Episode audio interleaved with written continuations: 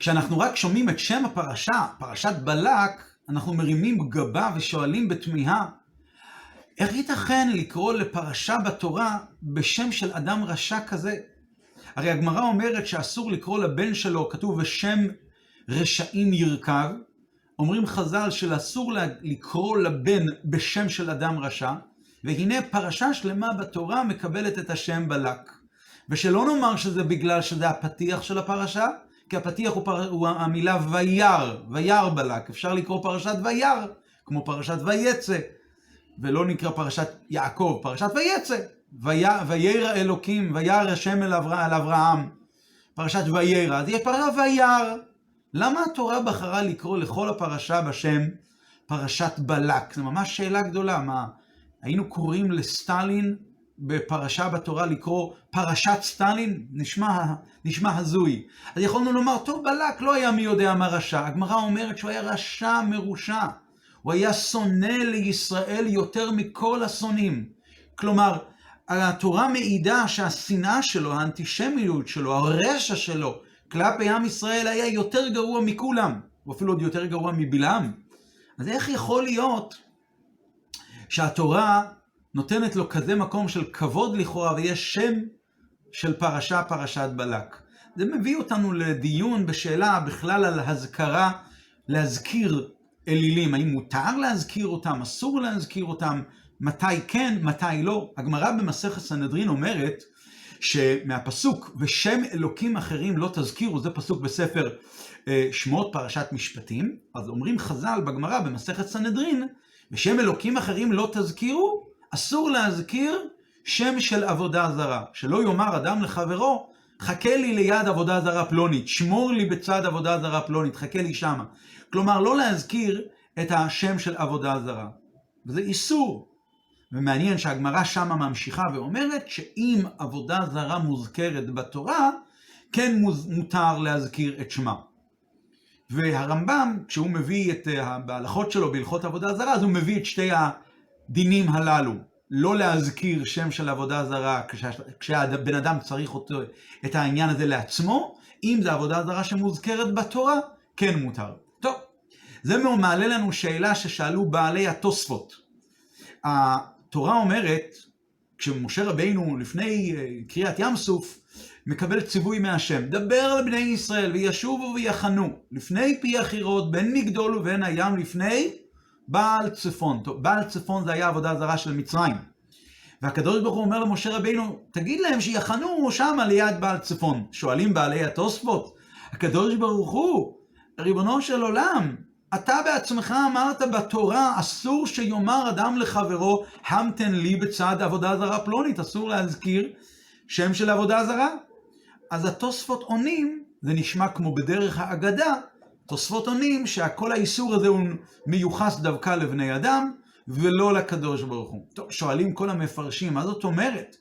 הרי אמרנו במפורש שעבודה זרה המוזכרת בתורה אין שום, אין שום איסור, אז מה בכלל שאלו בעלי התוספות? כלומר, האחרונים מתפלאים איך יכול להיות שבעלי התוספות לא זוכרים כביכול כזאת הלכה פשוטה, שכתוב בגמרא במפורש, שאם מדובר בעבודה זרה כתובה בתורה, אזי כן מותר להזכיר את שמה. ומה גם שההלכה הזו, שאם זה על עבודה זרה כתובה בתורה, מותר להזכיר את שמה, מופיעה באותה סוגיה שבה, מוס, שבה התורה מספרת, ובה הגמרא מספרת, שאסור להזכיר עבודה זרה. מה, נתעלם לבעלי התוספות? כזה עניין פשוט? מה הם בכלל שואלים? אז מסתבר לומר, שזה שאמרו שאם עבודה זרה מוזכרת בתורה, אין איסור להזכיר, זה דווקא שאין איסור להזכיר את זה סתם. בזה לא אסרו. אם הזכירו את זה סתם, לא אסרו. אבל כאשר נותנים להזכרה הזו חשיבות מיוחדת, חכה לי ליד המקום הזה והזה. כלומר, המקום הזה הוא חשוב ותחכה לי שמה. שם נותנים לעבודה הזרה ממשות, ואז גם אם יהיה עבודה זרה שכתובה בתורה, אזי יש איסור. לכן שאלו בעלי התוספות, אם, אם כביכול הקדוש ברוך הוא אומר, וישובו ויחנו לפני פי החירות, אז אפילו שזה מוזכר בתורה, אבל זה מזכירים את זה בדרך של חשיבות. דהמתם לי בצד עבודה זרה פלונית, ולכן שאלו התוספות, איך ייתכן? ועל זה ענו התוספות שאצל הקדוש ברוך הוא זה לא מדובר, זה מדובר רק על בני אדם. אז הבנו פחות או יותר את שאלת התוספות. אבל בעומק העניין יש כאן משהו אחר. מה, אולי נתעמק בתשובה של תוספות. מה, עונה, מה עונים התוספות? כלפי שמיים אין איסור. למה? לכאורה, הרי אמרנו שכשבן אדם מזכיר את עבודה הזרה בדרך של חשיבות, אז הוא נותן לה ממשות, אז, אז זה אסור. וגם אם היא מוזכרת בתורה, אזי אין שום סיבה להיתר. גם אם יש עבודה זרה שמוזכרת בתורה, אין שום סיבה לבוא ולהגיד, טוב, זה מוזכר בתורה, זה מותר. אתה לא יכול לתת חשיבות ולהגיד, תחכה ליד עבודה זרה פלונית, אפילו שהיא מוזכרת בתורה. ואם כן, מה זה משנה אם הקדוש ברוך הוא עושה את זה? מה זה משנה אם בן אדם עושה את זה? ובפרט אדרבה, מבחינת ההיגיון, כשאם על בני אדם נאסר להזכיר שם של עבודה זרה שכתובה בתורה, אסור להזכיר אותה, למה? כשאתה נותן לה חשיבות, על אחת כמה וכמה לגבי הקדוש ברוך הוא, שאמירתו של הקדוש ברוך הוא יש לה הרבה יותר נתינת חשיבות. דיבורו של הקדוש ברוך הוא נחשב למעשה. אז מסתבר שכשתוספות עונים שכלפי הקדוש ברוך הוא אין איסור, רק לבני אדם יש איסור, יש כאן כנראה איזושהי סברה חדשה. משהו אחר, כאילו לא נאסר מלכתחילה להזכיר לקדוש ברוך הוא. זה לא שהקדוש ברוך הוא יש כאן דיונים סביבו. בכלל אין איסור מלכתחילה עליו להזכיר. לעומת זאת, לבני אדם יש איסור להזכיר, וכאן צריך להבדיל בין העבודה הזרה שמוזכרת בתורה, לעבודה הזרה שלא מוזכרת בתורה. עבודה זרה שלא מוזכרת בתורה, ודאי שאסור. לא משנה באיזה צורה. עבודה, עבודה זרה שמוזכרת בתורה, פה יהיה מותר, אבל רק בצורה סתמית. אבל אם בצורה שנותנים לה חשיבות, גם זה יהיה אסור לבן אדם. אבל, זאת אומרת, אבל הקדוש ברוך הוא, בעיקרון, אין שום איסור.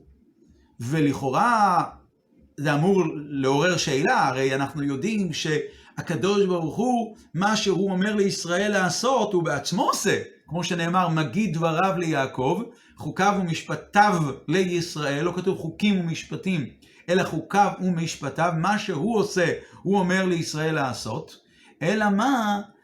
הכוונה היא לא הכוונה שהאיסור הוא רק על בן אדם רגיל ולא לקדוש ברוך הוא, אלא צריך לומר שלגבי הקדוש ברוך הוא בכלל, כל האיסור הזה בכלל לא מתחיל, וכל הסיבה לאיסור לא מתחילה. מה באמת ההסבר? אז, אז נבין את זה בהקדמה של דברי אחד הקדמונים, קראו לו היראים, הוא כותב, הוא מסביר שבזה שהעבודה הזרה שהיא נזכרה בתורה יש היתר, הוא אומר ככה, מכיוון שהתורה הזכירה אותה, בוודאי היא התבטלה. ככה, ככה הבעל היראים כותב.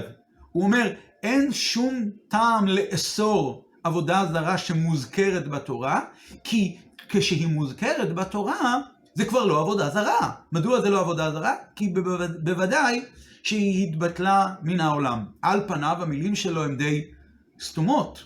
מה זאת אומרת? מניין לנו שכל עבודה זרה שנזכרה בתורה בוודאי נתבטלה? אדרבה, אולי יש עבודה זרה מסוימת בתורה שלא נתבטלה. אה, בעל פאור, בעל פאור התורה מדברת על זה כמה וכמה פעמים.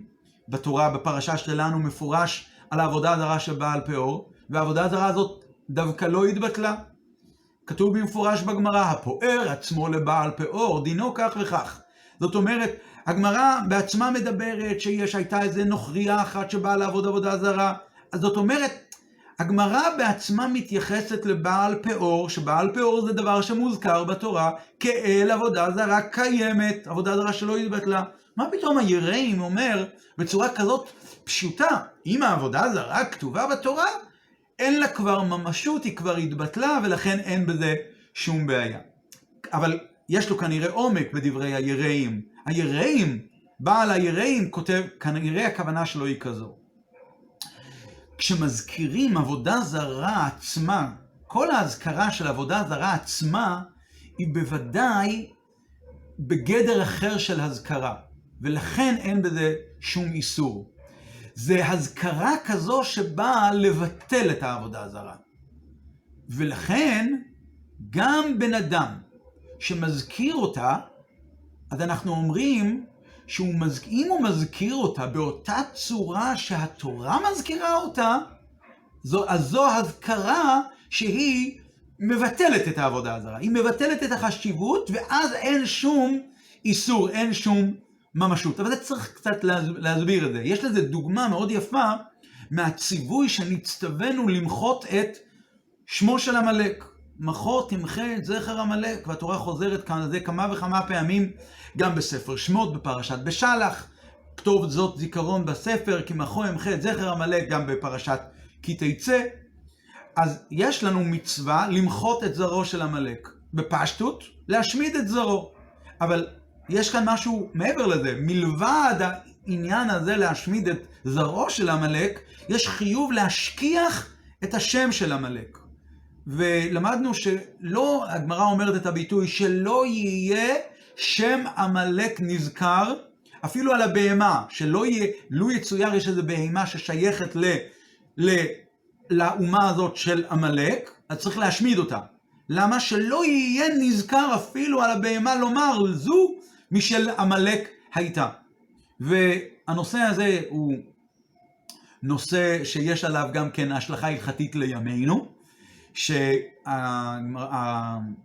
ערוך כותב שכשבן אדם אומר שם של המן ובניו, אז התינוקות היו מנקשין באבנים או בלוחות עץ, והיה כתוב את השם, שם של המן ובניו, על ידי הניקוש, אז השמות האלה היו נמחקים. אז הנה דוגמה לדבר שהוא, מצד אחד יש עלינו חיוב להשכיח את השם של עמלק.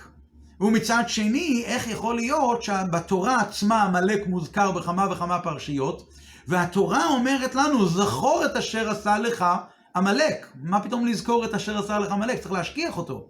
אלא מה? מה שנאסר לנו הזכירה, זה נאסר לנו הזכירה בדרך של זיכרון. אבל התורה מחייבת, כשהתורה מחייבת למחות את שמו, זה לא, זה, כשאנחנו זוכרים אותו במובן הזה שאנחנו מוחים את שמו, זה לא גדר של זיכרון של עמלק. אדרבה, על ידי זה אני מקיים את המחייה. אני פשוט לא יכול לקיים את המחייה מבלי שאני אזכור אותו תחילה. יש זכר עמלק, ואז צריכים למחות את זכר עמלק. ולפי הרעיון הזה, אותו דבר אפשר גם להגיד לגבי הזכרה של שם של עבודה זרה.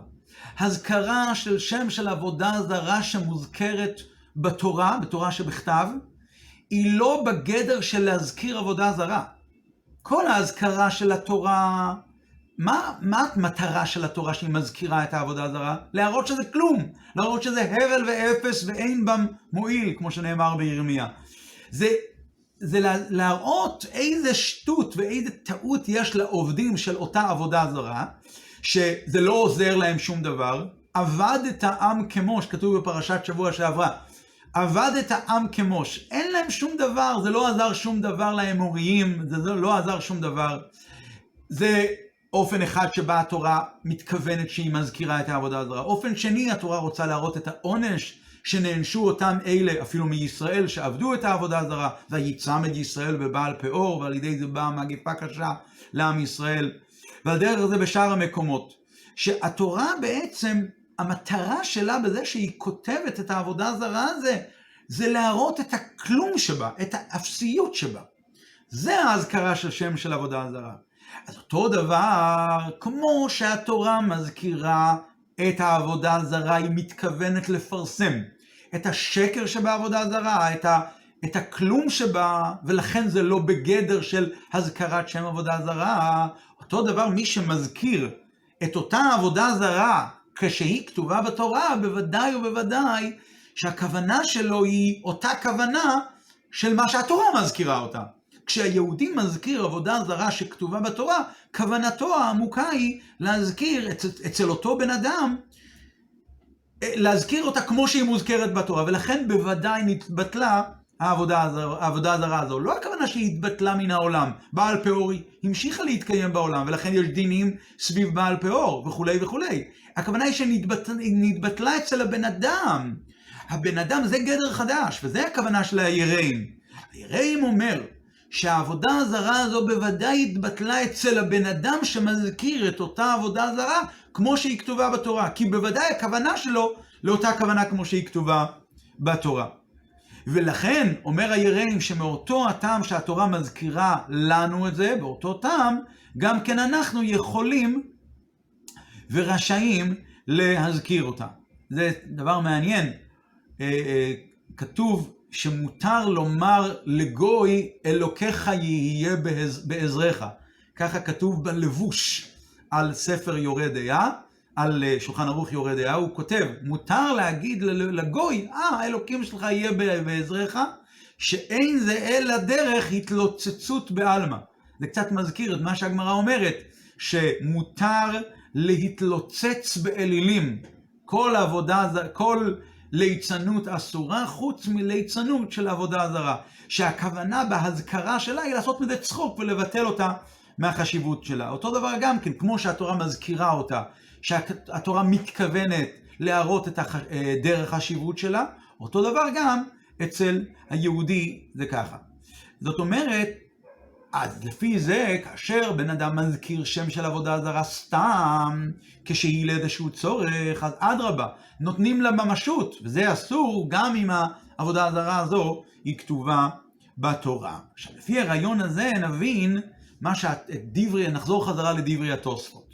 תוספות שאלו, היי, מה קורה שם בורא עולם גיד דבריו ליעקב חוקיו ומשפטיו לישראל? מה שהוא עושה אומר לישראל לעשות. איך ייתכן שכשהוא אומר למשה רבינו לציין לבני ישראל איפה לחנות, הוא אומר להם, ויחנו לפני בעל צפון, אומרים התוספות, כלפי שמיא אין את העניין של, אה, אה, של האיסור הזה. מה הכוונה של בעלי התוספות? כלפי שמיים זה לא בגדר של אזכרה שהתורה אסרה. כאשר בן אדם מזכיר את השם של עבודה זרה, ובפרט כאשר הוא צריך את זה, המתן לי בצד עבודה זרה פלונית, אז באמת הוא נותן חשיבות לזה. אז הוא מחשיב את העבודה הזרה ונותן כאן גדר של הזכרת עבודה זרה. אבל כאשר זה נזכר על ידי הקדוש ברוך הוא, שהקדוש ברוך הוא מי שאמר והיה העולם, ש... המציאות של הקדוש ברוך הוא שוללת לגמרי עבודה זרה, שוללת אלילים, שוללת שום דבר שהוא היעדר הקדוש ברוך הוא. בוודאי ובוודאי שהאזכרה הזו היא לא בגדר של אזכרה, אלא בגדר של שלילה. ולכן זו לא האזכרה שאסרה התורה. ובפשטות, זו הסיבה שהקדוש ברוך הוא אמר למשה רבינו וישובו ויחנו לפני בעל צפון. זה היה כדי להטעות את המצרים, כדי שבני ישראל, שהמצרים יחשבו, או יראתן, יראתנו. העבודה הזרה שלנו, בעל צפון עוזר לנו, והנה בני ישראל תקועים שמה, ובסופו של דבר לעשות מהם צחוק ולהראות להם שזה לא עוזר וזה הבל ואין בה מועיל, כמו שכתוב, משגיא לגויים ויעבדם, מרים אותם למעלה, נותן להם את המורל כביכול, ובסופו של דבר מאבד אותם, וזה הכוונה, זה היה להטעות אותם. וזה היה גם אותו דבר, גם כאן. עכשיו, לפי הרעיון הזה, אז אדרבה, לפעמים האזכרה הזו היא לא רק שהיא מותרת, אלא היא גם נצרכת. אנחנו זקוקים לה. זה לא רק שהיא אסור, היא, אין איסור. היא-היא, האזכרה הזו, היא-היא זו שמבטלת והיא היא זו ששוללת את החשיבות של העבודה הזרה הזו. על דרך, כמו שאמרנו מקודם, על הצורך להזכיר את עמלק על מנת למחות אותו על מנת לא לתת לו מציאות. ועל דרך זה שלפני חג הפורים צריך להיות זכירת עמלק, לפני חג הפורים, כתוב שתקדים זכירה לעשייה, מחור, כדי לקיים את מצוות מחור ימחה, את זכר עמלק, אז מזכירים אותו בפרשת זכור שלפני כן. לכן, באמת מצאנו בגמרא שהיה איזה אמורה בגמרא, באותו סוגיה שמדברים שם על עבודה זרה, איזה עבודה זרה מותרת, עבודה, איזה עבודה זרה אסורה, אז הגמרא מספרת על אמורה שחיפש בכוונה להזכיר איזשהו שם של עבודה זרה שכתובה, שכתובה בתורה, והשאלה שנשאלת היא, נו, נכון שזה מותר, אבל מה התועלת שיש בזה? מה הוא כל כך חיפש איזשהו שם של עבודה זרה? אלא מה? בזה שהוא רצה להזכיר אותה, הוא רצה להזכיר אותה כמו שהתורה מזכירה אותה. זאת אומרת, לבטל אותה, כנראה באותו זמן היה איזשהו צורך לבטל את העבודה הזרה הספציפית הזו, אז הוא רצה לבטל אותה על ידי שהוא הזכיר אותה, והוא מזכיר אותה בצחוק כמובן, וכולי וכולי. לפי הרעיון הזה נבין היטב מה ששאלנו בהתחלה לגבי הפרשה שלנו. קוראים, לא קוראים לבן בשם של עבודה זרה. בשם פרשה שלמה בתורה נקראת בשם פרשת בלק? הייתכן? אלא מה, מה התשובה? נכון. כמובן, בלק היה שונא לישראל יותר מכל השונאים. ונכון שבאמת אסור לקרוא לבן שלו, אף אחד לא יקרא לבן שלו בשם בלק.